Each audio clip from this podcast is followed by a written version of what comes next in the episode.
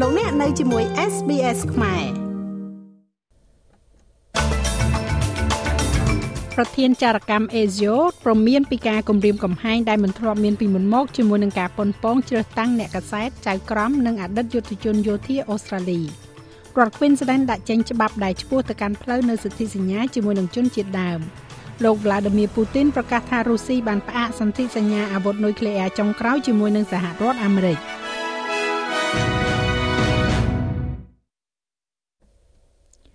មន្ត្រីចារកម្មកម្ពុជារបស់ប្រទេសអូស្ត្រាលីនិយាយថាអតីតមន្ត្រីការពារជាតិដែលដឹងកិច្ចការសម្ងាត់ផ្ទៃក្នុងមួយចំនួនតូចប៉ុន្តែគួរឲ្យបារម្ភនោះកំពុងតែជ្រើសរើសយកប្រាក់ធំជាងប្រទេសលោក Mike Burgess ប្រធានអង្គភិបស៊ើបអង្កេតសន្តិសុខអូស្ត្រាលីហៅកាត់ថា ASIO បានបង្ហាញនៅក្នុងរបាយការណ៍វិតម្លៃប្រចាំឆ្នាំចុងក្រោយបង្អស់របស់លោកថាទីភ្នាក់ងាររបស់លោកបាននឹងកំពុងតាមដានអតីតយុទ្ធជនប៉ុន្មានរូបដែលមានបំណងលក់ការបណ្ដោះបណ្ដាលនិងជំនាញយោធារបស់ពួកគេ ទៅឲ្យរដ្ឋាភិបាលបរទេសរយៈពេលជាច្រើនឆ្នាំលោកប្រមានថាភ្នាក់ងារបរទេសបានព្យាយាមជ្រើសតាំងអ្នកកសែតអូស្ត្រាលីជាន់ខ្ពស់ អតីតយុទ្ធជនយោធា និងជាសក្តានុពលសមាជិកនៃអង្គចៅក្រម។ Once in country, the lackey was expected to introduce the journalist to local ម្ដងម្កាលនៅក្នុងប្រទេសមួយភាពខ្វះខាតត្រូវបានគេរំពឹងថានឹងណែនាំអ្នកសារព័ត៌មានទៅកាន់មន្ត្រីមូលដ្ឋានដែលជាអ្នកស៊ើបការសម្ងាត់អ្នកស៊ើបការនឹងប្រើឱកាសទាំងនេះដើម្បីភ្ជាប់ខ្លួនឯងជាមួយនឹងអ្នកសារព័ត៌មានព្យាយាមលាក់លួចខុសច្បាប់ដើម្បីយល់ដឹងពីនយោបាយសេដ្ឋកិច្ចការការពារជាតិនិងបញ្ហាផ្សេងទៀតនិងកំណត់អត្តសញ្ញាណភាពងាយរងគ្រោះដែលអាចត្រូវបានប្រើប្រាស់នៅពេលក្រោយស្ទើរតែប្រកាសណាស់ទូរស័ព្ទកុំព្យូទ័រយួរដៃនិង tablet របស់អ្នកកសែតក៏នឹងត្រូវបានកំណត់គោលដៅផងដែរប្រសិនបើទុកវាចោលដោយគ្មានការយកចិត្តទុកដាក់សូម្បីតែនៅក្នុងសន្តាគារដែលចាក់សោក្នុងទូដៃក៏ដោយ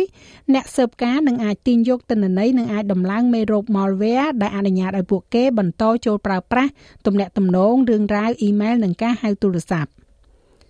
បញ្ហានេះបានคล้ายទៅជាការចាប់អារម្មណ៍របស់សាធារណជនកាលពីពេលថ្មីៗនេះដោយសារប្រព័ន្ធផ្សព្វផ្សាយរាយការណ៍ថាអ្នកបើកយន្តហោះរបស់ប្រទេសលោកខាងលិចត្រូវបានចិនតាក់ទងដើម្បីយកទៅបង្វឹកហាត់យោធារបស់ខ្លួន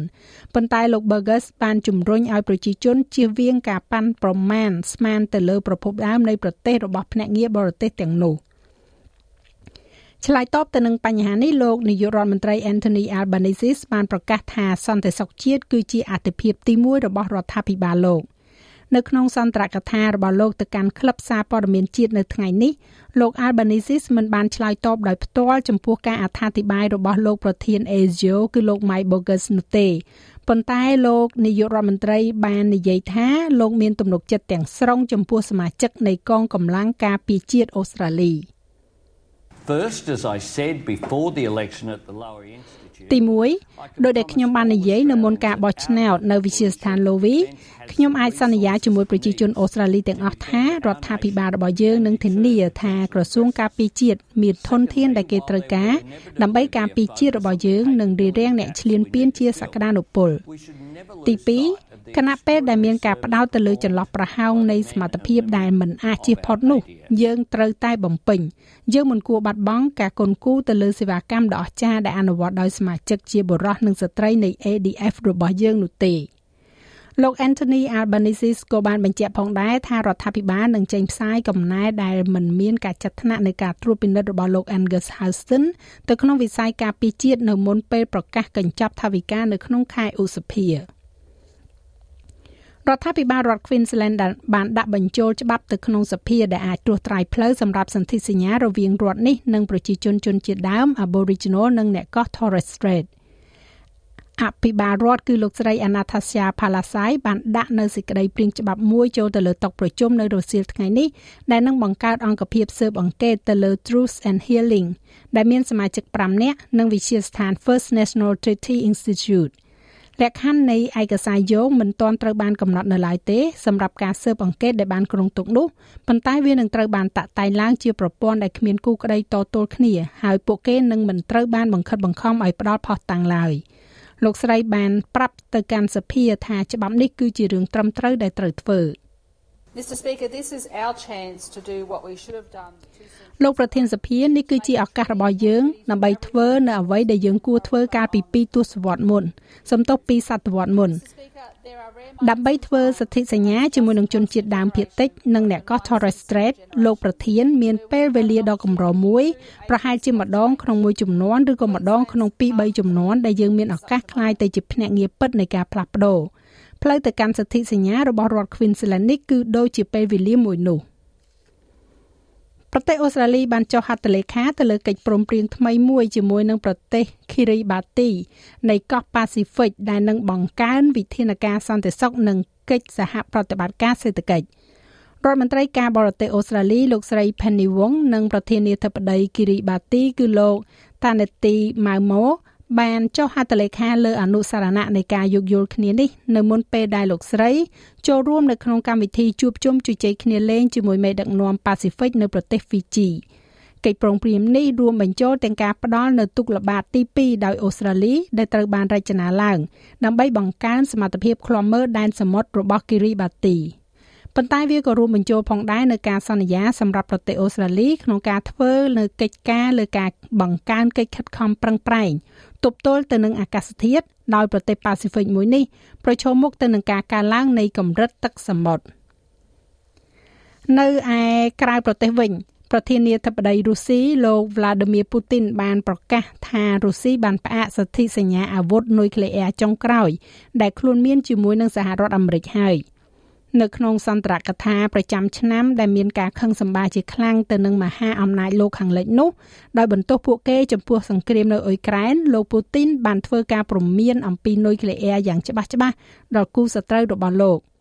សន្ធិសញ្ញា New Start ដែលត្រូវបានយល់ព្រមក្នុងឆ្នាំ2010ហើយនឹងផុតកំណត់នៅឆ្នាំ2026នោះបានកំណត់ចំនួនអាវុធនុយក្លេអ៊ែរដែលមហាអំណាចទាំងពីរអាចកាន់កាប់បាន។ លោកពូទីនបាននិយាយថាពួកគេមិនបានដកខ្លួនទាំងស្រុងពីកតិសញ្ញានោះទេប៉ុន្តែបានផ្អាកការចូលរួមរបស់ពួកគេ They want to inflict a strategic defeat ពួកគេចង់ដាក់យុទ្ធសាស្ត្របង្ក្រាបពួកយើងហើយព្យាយាមចូលទៅកន្លែងនុយក្លេអ៊ែររបស់យើងក្នុងន័យនេះខ្ញុំត្រូវបង្ខំចិត្តប្រកាសនៅថ្ងៃនេះថារុស្ស៊ីកំពុងផ្អាកការចូលរួមរបស់ខ្លួននៅក្នុងសន្ធិសញ្ញាអាវុធវិលុកជាយុទ្ធសាស្ត្រខ្ញុំនិយាយម្ដងទៀតយើងមិនដកខ្លួនចេញពីកតិសញ្ញានេះទេ ប៉ុន្តែកំពុងផ្អាកការចូលរួមរបស់យើងទន្ទឹមនឹងនោះប្រធានាធិបតីសហរដ្ឋអាមេរិកលោកโจ Biden បានថ្លែងសន្ទរកថានៅប្រទេសប៉ូឡូញដោយបញ្ជាក់ជាថ្មីពីការបញ្ញាចិត្តរបស់សហរដ្ឋអាមេរិកចំពោះអឺរ៉ុបខណៈដែលសង្គ្រាមនៅអ៊ុយក្រែននៅតែបន្តថ្លែងពីសួនច្បារ Royal Castle នៃទីក្រុង Warsaw លោក Biden បាននិយាយថាលទ្ធិប្រជាធិបតេយ្យនៃពិភពលោកនេះបានរីកចម្រើនកាន់តែខ្លាំងខណៈដែលអំណាចផ្ដាច់ការរបស់ពិភពលោកកាន់តែចុះខ្សោយ។ One year ago the world was bracing កាលពីមួយឆ្នាំមុនពិភពលោកកំពុងប្រឈមមុខទៅនឹងការដួលរលំនៃទីក្រុងគៀវមែនហើយខ្ញុំទៅតែត្រឡប់មកពីដំណើរទស្សនកិច្ចទៅកាន់ទីក្រុងគៀវហើយខ្ញុំអាចទីការថាទីក្រុងគៀវឈរយ៉ាងរឹងមាំទីក្រុងគៀវឈរដោយមោទនភាព ហើយសំខាន់បំផុត គឺឈរដោយសេរី ប្រទេសអូស្ត្រាលីនឹងបញ្ជូនក្រុមតន្ត្រីទៅ Eurovision ជាលើកដំបូងដើម្បីតំណាងឲ្យប្រទេសជាតិនេះនៅលើឆាកពិភពលោកក្នុងការប្រឡងចម្រៀងដ៏អស្ចារ្យដែលនឹងប្រារព្ធធ្វើឡើងនៅទីក្រុង Liverpool ក្នុងឆ្នាំនេះក្រុម Voyager របស់រដ្ឋ អូស្ត្រាលីខាងលិចត្រូវបានជ្រើសរើសបន្ទាប់ពីជាប់ចំណាត់ថ្នាក់លេខ2នៅក្នុងការបោះឆ្នោតសាធារណៈកាលពីឆ្នាំមុនសម្រាប់ការប្រកួតប្រជែង Eurovision ដែលត្រូវបានគេស្គាល់ថា Australia Decides Emily Grigg គឺជាប្រធានគណៈប្រតិភូសម្រាប់ Eurovision Australia ហើយបាននិយាយថាក្រុមតន្ត្រីនេះនឹងនាំមកនូវភាពរស់រវើក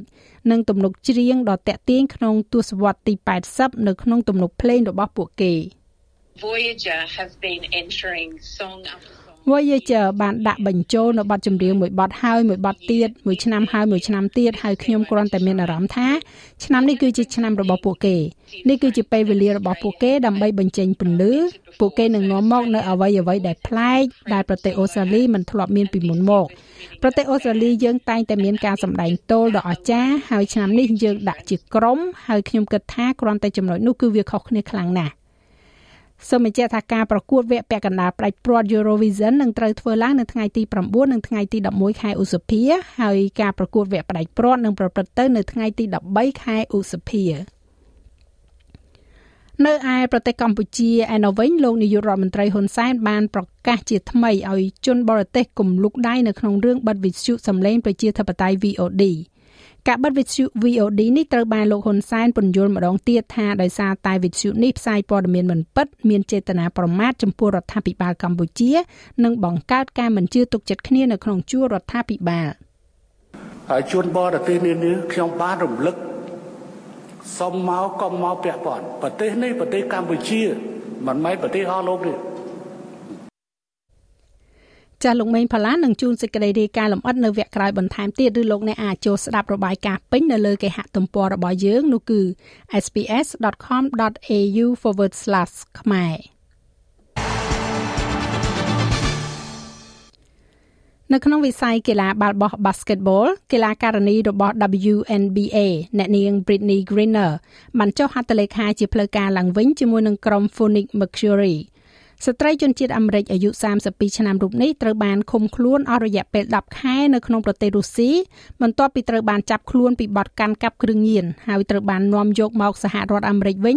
តាមរយៈការដោះដូរអ្នកទោស ESPN រាយការណ៍ថាកិច្ចព្រមព្រៀងមួយឆ្នាំគឺមានតម្លៃ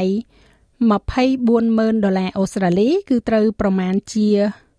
165,000ដុល្លារអាមេរិក អ្នកនាង Greener បានលេងជាលើកចុងក្រោយសម្រាប់ក្រុម Mercury នៅក្នុងឆ្នាំ2021ហើយបានជួយឲ្យក្រុមនេះឈានដល់វគ្គផ្ដាច់ព្រាត់ចំណែកឯអត្រាប្តូរប្រាក់វិញនៅថ្ងៃនេះ1ដុល្លារអូស្ត្រាលីមានតម្លៃប្រមាណជា68សេនកន្លះដុល្លារអាមេរិកត្រូវនឹងប្រមាណជា2800រៀលប្រាក់រៀលខ្មែរ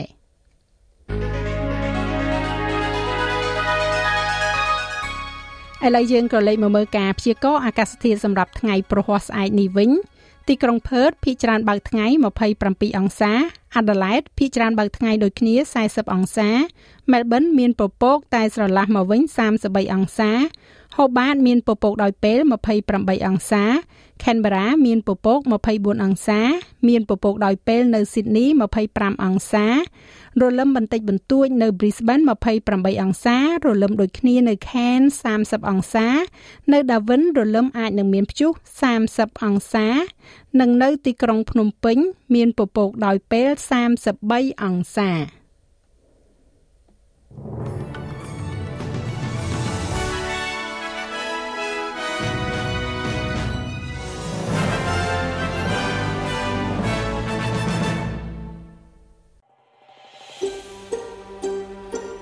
ចង់ស្ដាប់រឿងក្រៅបែបនេះបន្ថែមទៀតទេ ស្ដាប់នៅលើ Apple Podcast Google Podcast Spotify ឬកម្មវិធីដទៃទៀតដែលលោកអ្នកមាន។